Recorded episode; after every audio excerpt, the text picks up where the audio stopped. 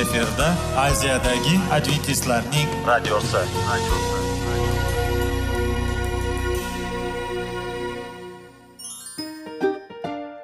assalomu alaykum aziz radio tinglovchilar. Sog'liq daqiqasi rubrikasiga xush kelibsiz. Zero tananing sog'lom bo'lishi va uning kasalliklardan saqlash har bir insonning burchi hisoblanadi. Inson uchun bebaho boylik bu sog'liq salomatlikdir. Uni asrash esa har birimizga omonat qilib berilgan. Shuning uchun ham inson o'z sog'lig'ini ehtiyot qilishi voajib amallardan hisoblanadi. Dono xalqimiz sog'liq tuman boylik deb bejiz aytmagan. Aql idroq sohibi bo'lgan inson o'z hayotini qadrlashi lozim bo'ladi. Hozirgi kunda qanchalik dori darmonlar ko'paymasin tibbiy muassa sifati shifokorlar vasiyasi tibbiy texnika yaxshilanmasin. Agar insonning o'z salomatligi haqida qayg'urmasa kutilgan natijaga erishib bo'lmaydi va biz sizlarga bizning dasturimizga xush kelibsiz deymiz.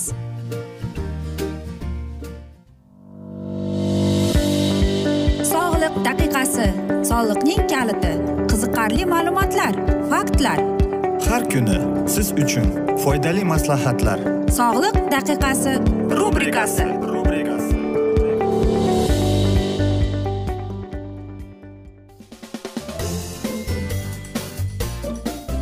assalomu alaykum aziz radio tinglovchilar. Dasturimizga xush kelibsiz va biz sizlar bilan besh daqiqa sog'liq uchun deb atalgan dasturimizda xushvaqt bo'ling deb aytamiz. Va dasturimizni boshlashdan avval yodingizga solib o'tmoqchi edik. Agar sizlarda savollar tug'ilsa bizning whatsapp raqamimizga murojaat etsangiz bo'ladi. Bizning whatsapp raqamimiz plyus bir uch yuz bir yetti yuz oltmish oltmish yetmish deb ataladi. Va bugungi bizning dasturimizning mavzusi bu interval ochlik deb ataladi. Interval ochlik bu degani demak siz qaysidir bir mahalning ovqatdan voz kechishingizdir. Yoki bunday qilib aytganda ovqatdan voz kechish. Va biz hammamiz bilamizki ochlik aynan qaysidir bir kasalliklardan shifo beradi. Ya'ni e, bugungi dasturimizlarda sizlarga aynan qanday ochlik sizga yordam berishi mumkin sizning sog'lig'ingizga. Bilasizmi hamma e, aytaylikki nafaqat musulmonlarda xristianlarda hamma diniy urflarda shunday borki ochlik ya'ni ro'za tutish masalan. Ro'za tutish qirq kunda bizga qanday foyda keltirishi haqida biz aytib o'tgan edik. Va aynan mana shu narsa deydi e, nega ochlik?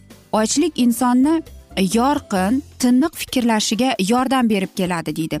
Va albatta biz qaysidir bir mahalda ovqat iste'mol qilishni to'xtatib qo'ysak deyapti bizdagi qon glyukoza bizning organizmimizga tushishi pasayib boradi va albatta e, bizdagi bo'lgan psixikamiz ham e, nerv tola sistemasi ham pasayib boradi himoyasini deydi. Shuning uchun bizning tanamiz bizning organizmimiz o'zining himoya vositasini ishga tushiradi. Birinchi kun siz ochiqqa bo'lganingizda glyukoza bizdagi bo'lgan glyukogenga tushib va u Э, mushaklarga boradi va albatta u mana shunday e, jigarga ham tushib keladi deymiz.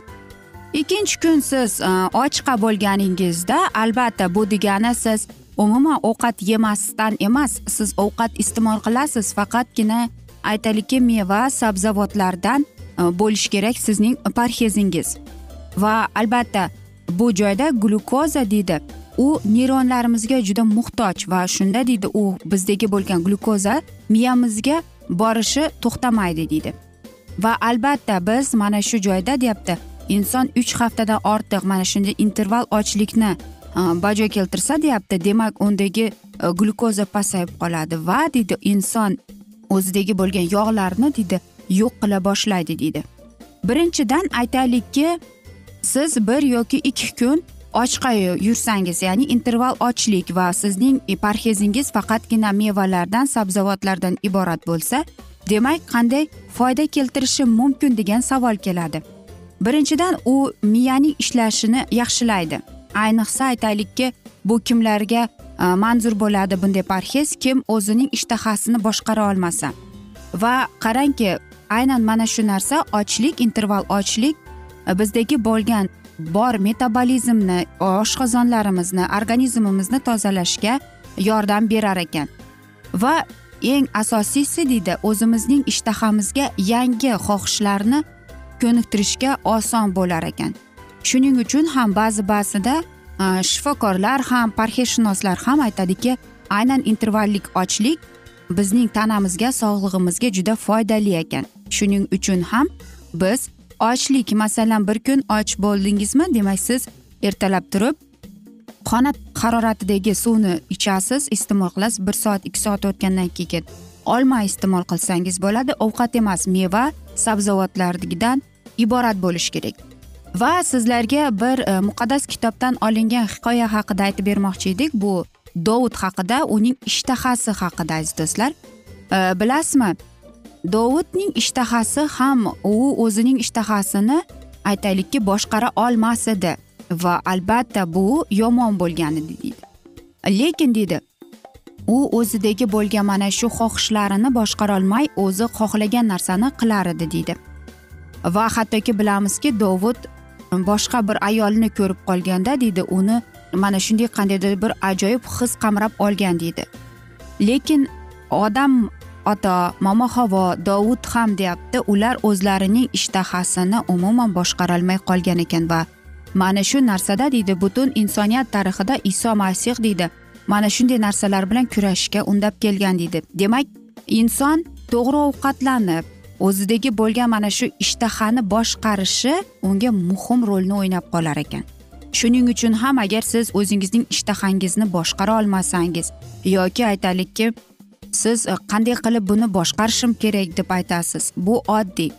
E, masalan bugun yoki ertaga o'zingizga shunday yaxshi bir odat qilingki bir oyda ikki marta bo'lsa ham intervallik ochlik degan narsani odat qilishga va o'zingizga aytaylikki qattiq kun yoki sharbatlar kuni deb o'zingiz uchun kundaligingizga yozib oling va aynan mana shunday kunlarda e, siz mana shu masalan sharbat kuni bo'lsa faqatgina sharbatdan iborat bo'lishi mumkin lekin qarangki har xil bo'lishi mumkin. Olmali yoki aytaylikki apelsinli qizilchali sharbatlardan iborat bo'lishi kerak. Qattiq bo'lsa demak siz kun bo'yi qaysidir bir mahallarda qatiq iste'mol qilishingiz kerak bo'ladi. Va shunda siz o'zingizning sog'lig'ingizga va organizmingizni oshqozoningizni tozalagan bo'lasiz.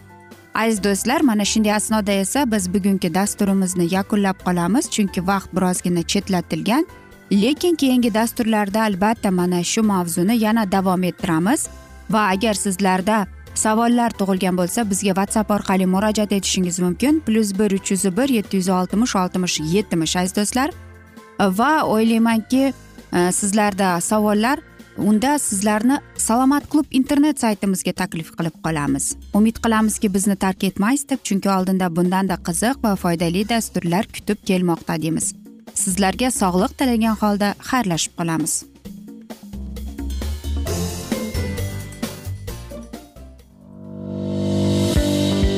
Sog'liq daqiqasi soliqning kaliti qiziqarli ma'lumotlar faktlar.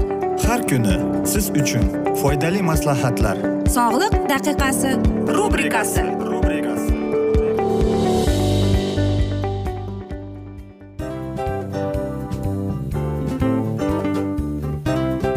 Mana ha hayotda hamma narsaning yaxshi narsalar tugaydi va yakunlaydi degandek bizning dasturimizga ham yakun keldi.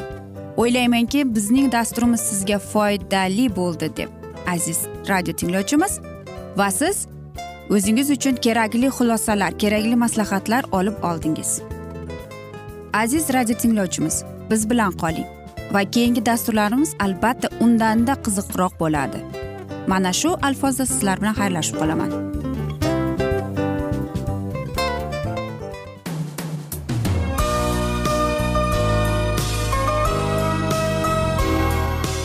Efirda aziyadagi adventistlarning radiosi.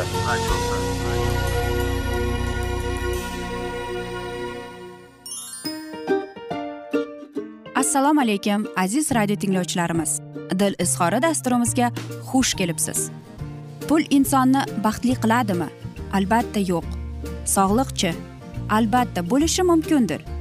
Lekin olimlar shuni isbotlashdiki to'liq va mukammal munosabatlar insonlarni baxtli qilar ekan. Albatta biz hayot davomida biz yaqin insonlar bilan odamlar bilan aloqada bo'lamiz va ular bilan munosabatlarimiz qanday kechadi qanday tuziladi?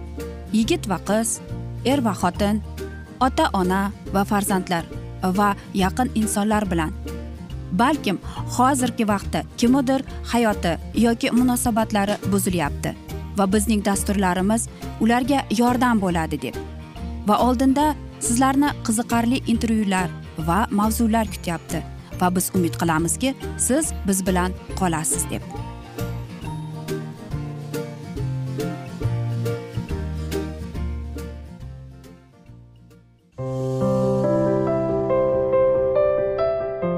Kuni har xil kasbdagi odamlar bilan sirlashish va bo'lishish sevgi rashq munosabat bularni hammasi dil izhori rubrikasida.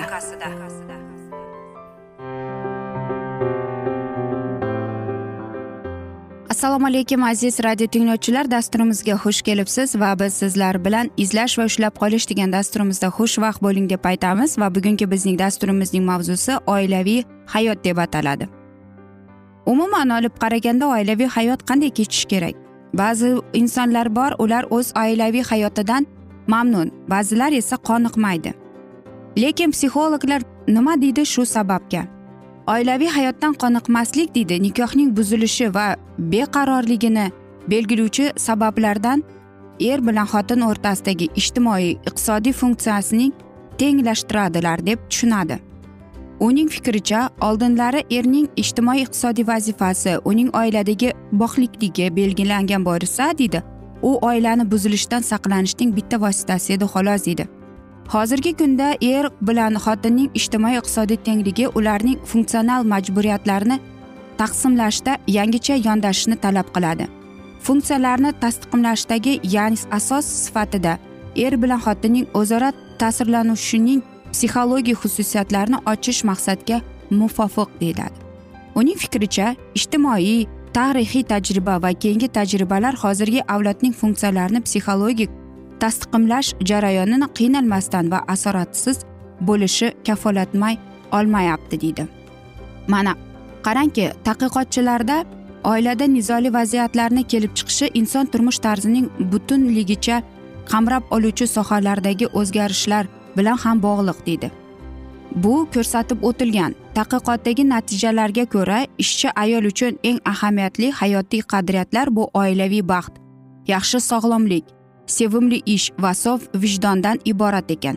Erkak ishchilarda esa qadriyatlarning eng asosiysi sevimli mashg'ulot so'ngra oilaviy baxt deydi.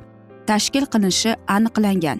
Shu o'rinda e, oiladagi maishiy masalalar ishlab chiqarish jarayonidan tashqaridagi omil bo'lsa ham undagi psixologik muhitni tartibga solishda ishtirok qilinishni ta'qidlash joizdir. Ko'rib o'tganimizdek chet el psixologiyalari tomonidan oila muammolarini o'rganishga bag'ishlangan ilmiy tadqiqotlar ancha salmoqli va keng qamrovlidir shunday bo'lsada mazkur ilmiy izlanishlar natijalari ulardagi ilmiy tavsiya va xulosalar ma'lum darajada cheklanlik xarakteriga egadir. Tadqiqot natijalarining cheklanganlik xarakterida ekanligiga har bir xalqda oilaviy turmush muammolarini milliy madaniy an'anaviy va hududiy xususiyatlar mavjudligi bilan uyg'unlikka namoyon bo'ladi. Chunki oilaviy turmush tarzi va er xotin munosabatlarining milliy madaniy va mintaqaviy o'ziga xosligi boshqa millatlarnikiga u yoki bu darajada to'g'ri kelavermaydi. Ya'ni boshqa millat vakillarida oila muammolarini hal qilish bilan bog'liq o'tkazilgan tadqiqot natijalari o'zbek milliy madaniy muhitga samarali qo'llash mumkin emas. Shu bois biz ushbu tadqiqotlar natijasida erishgan yutuqlarga yuqori baho bergan holda bu ilmiy dalillarni o'zbek oilalari uchun ham to'la taalluqli deb tan deya ololmaymiz deydi endi biz ana shu nuqtai nazardan o'zbekiston psixolog olimlarining deydi oilaviy turmush muammolarini xususan oila barqarorligiga shaxslar aro munosabatlar ta'sirining ijtimoiy psixologik xususiyatlarini o'rganishga yaqinroq masalalar bo'yicha olib borilgan tadqiqot natijalarini tahliqaga doir fikrlarimizni deydi bayon etib kelganmiz deydi. Va umuman aytingchi chet el yoki o'zbek milliy urf odatlari bilan o'zi ajralib turadi to'g'rimi? Lekin men o'ylaymanki baribir nima bo'lgan chog'ida ham har bir mamlakatda har bir o'lkada o'zining qandaydir bir odatlari bor.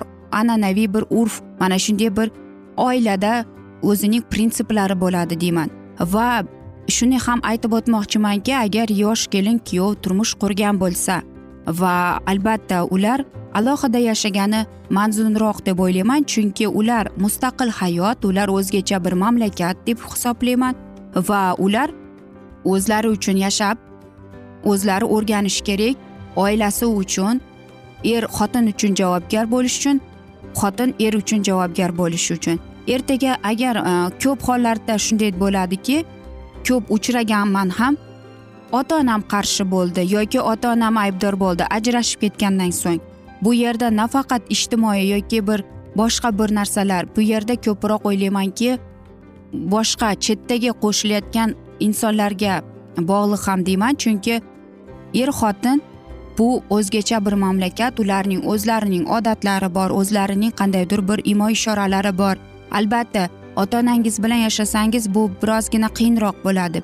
Shuning uchun o'ylaymanki har bir oilada urush janjal bo'ladimi er xotin urushadimi uchinchi insonning qo'shilishi umuman bu tarbiyasiz deb o'ylayman. Chunki er xotin ular er, bugun urushadi ertaga ular yarashib ketadi lekin o'rtada o'rtaga tushgan inson yomon ko'rinib qoladi deyman. Shuning uchun ham har bir oila o'zgacha bir shaxs o'zgacha bir mamlakat shuning uchun ham oila saqlanib qolish uchun biz o'zimizdagi bo'lgan manmanlikni yo'qotishimiz kerak. Va eng qiziqi va eng foydalisi o'ylaymanki boshqa insonlarni umuman aralashtirmaslik kerak.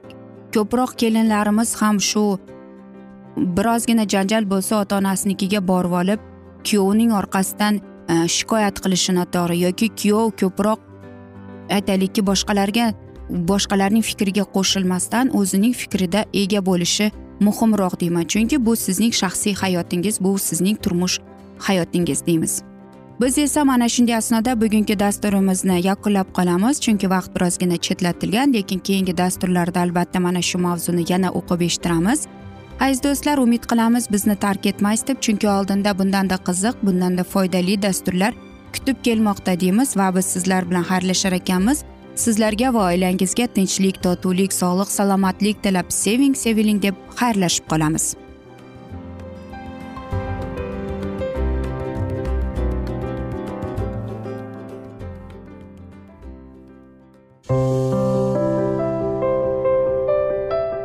Har kuni har xil kasbdagi odamlar bilan sirlashish va bo'lishish.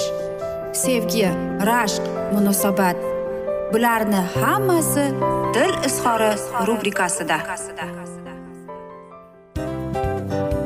Mana aziz radio tinglovchimiz bizning go'zal va foydali va chiroyli dasturimiz yakunlanib bormoqda.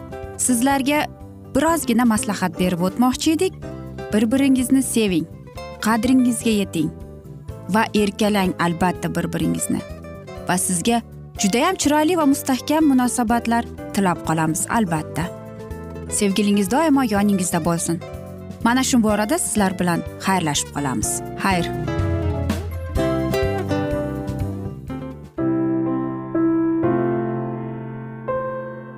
Hayotning noni. Qiziqtirgan savollar va javoblar. Buning hammasi ko'ngil uchun oziqa rubrikasida.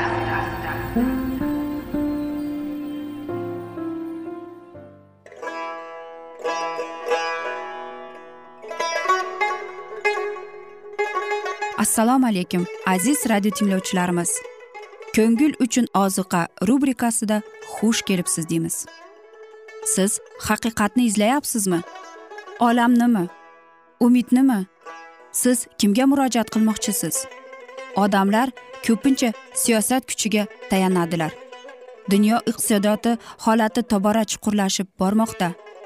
Tabiiy ofatlar va texnogen halokatlar minglab insonlarning hayotini olib ketib juda katta zarar yetkazmoqda. Sizga abadiy hayot inomini hadya qiluvchi va hayotingizni tubdan o'zgartiruvchi haqiqatni izlab toping. Xudo haqidagi haqiqat uning kalomida mujassamlashgan. Kimki bu haqiqatni butun qalbi bilan izlasa albatta unga yetishadi. Bu sevgi xudoning tarixidir. Hayotingizda yoki sizning yon atrofingizdagi olamda nimalar yuz berishidan qat'iy nazar? Siz ertagi kunga buyuk umid va ishonch hosil qilishingiz mumkin. Hozirda xudo sizga taklif qilayotgan umid ishonchga o'z qalbingizni oching va sizni qiziqtirayotgan mavzularni savollaringizga javoblaringizni topib olasiz deb umid qilamiz. Biz bilan qoling.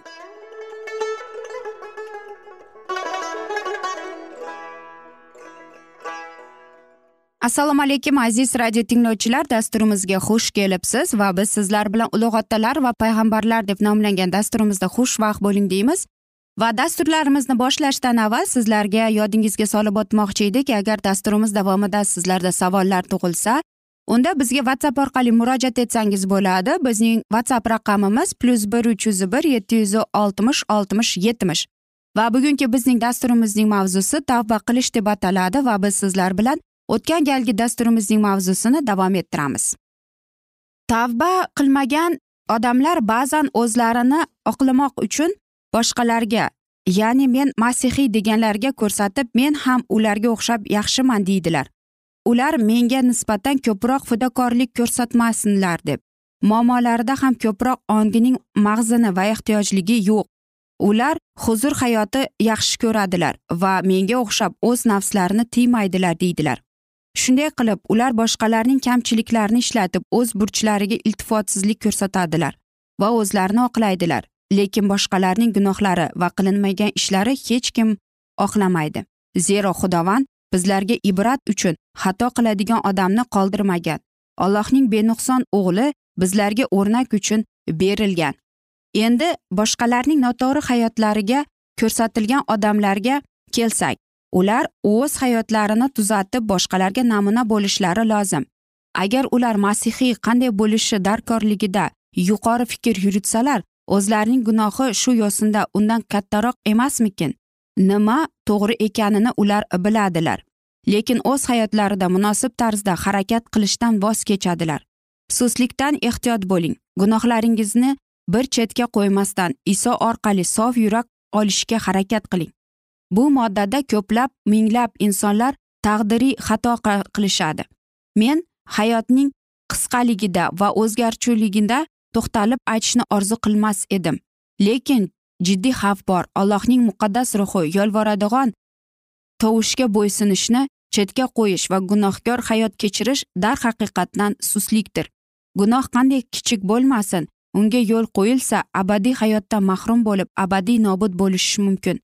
Biz o'zimiz yengib chiqmagan narsa bizni yengib chiqadi va bizni halokatga olib boradi.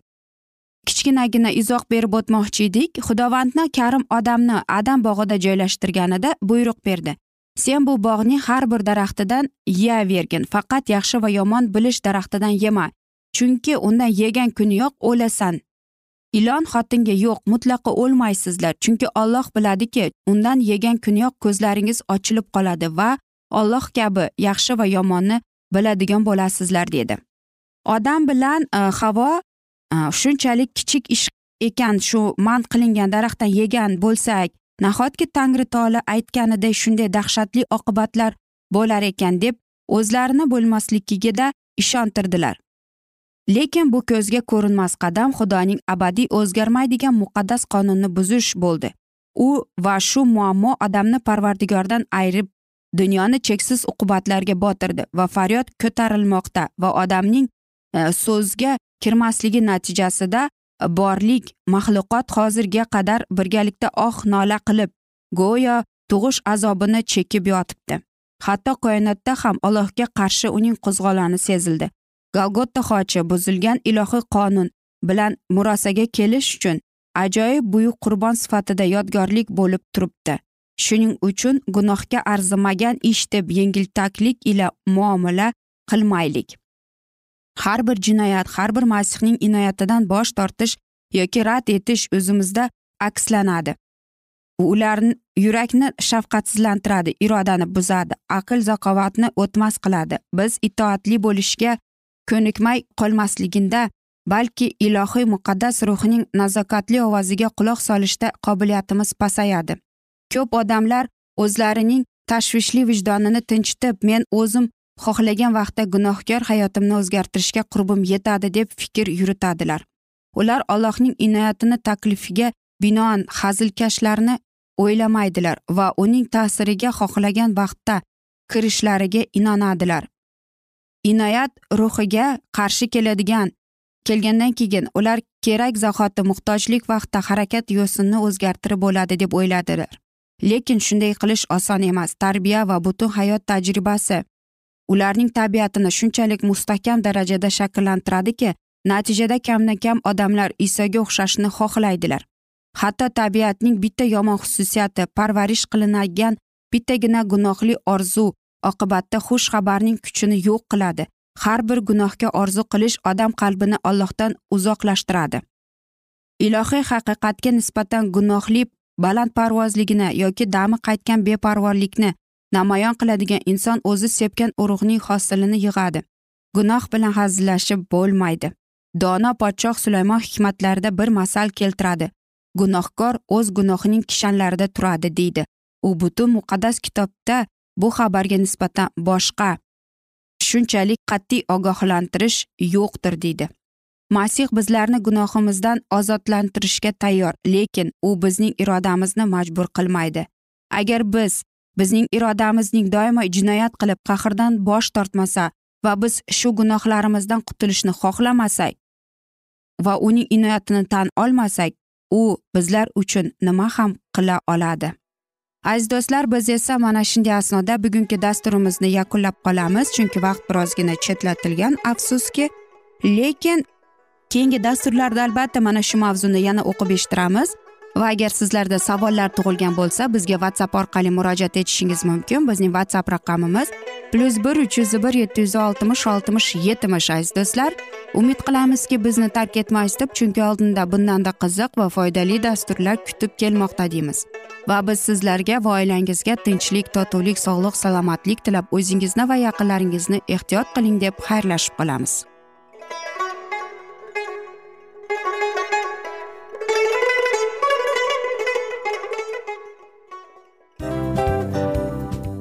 Aziz radio tinglovchimiz hamma yaxshi narsaning yakuni bo'ladi degandek bizning ham dasturlarimiz yakunlanib qolmoqda. Aziz do'stlar o'ylaymanki bizning dasturlarimiz sizlar uchun judayam foydali bo'ldi deb bizning dasturlarimizdan siz o'zingizga foydali va judayam kerakli maslahatlar oldingiz deb. Masalan sog'liq borasida biz sizlarga sog'liq tilaymiz albatta lekin bizning maslahatlarimizga ham amal qilishga unutmang. Munosabatlarga kelganda bu munosabatlar chuqur va yaxshi bo'lishi uchun uni ustidan ishlash kerak albatta. Diniy masalaga kelsak aziz do'stlar bu judayam jiddiy va chuqur nazarni talab qiladi. Ammo biz sizlar bilan xayrlashib qolmaymiz keyingi dasturlarda eshittirishimizni davom ettiramiz va sizlar bilan mana shu yaxshi kayfiyatda xayrlashib qolamiz. Va keyingi dasturlarda ko'rishguncha xayr!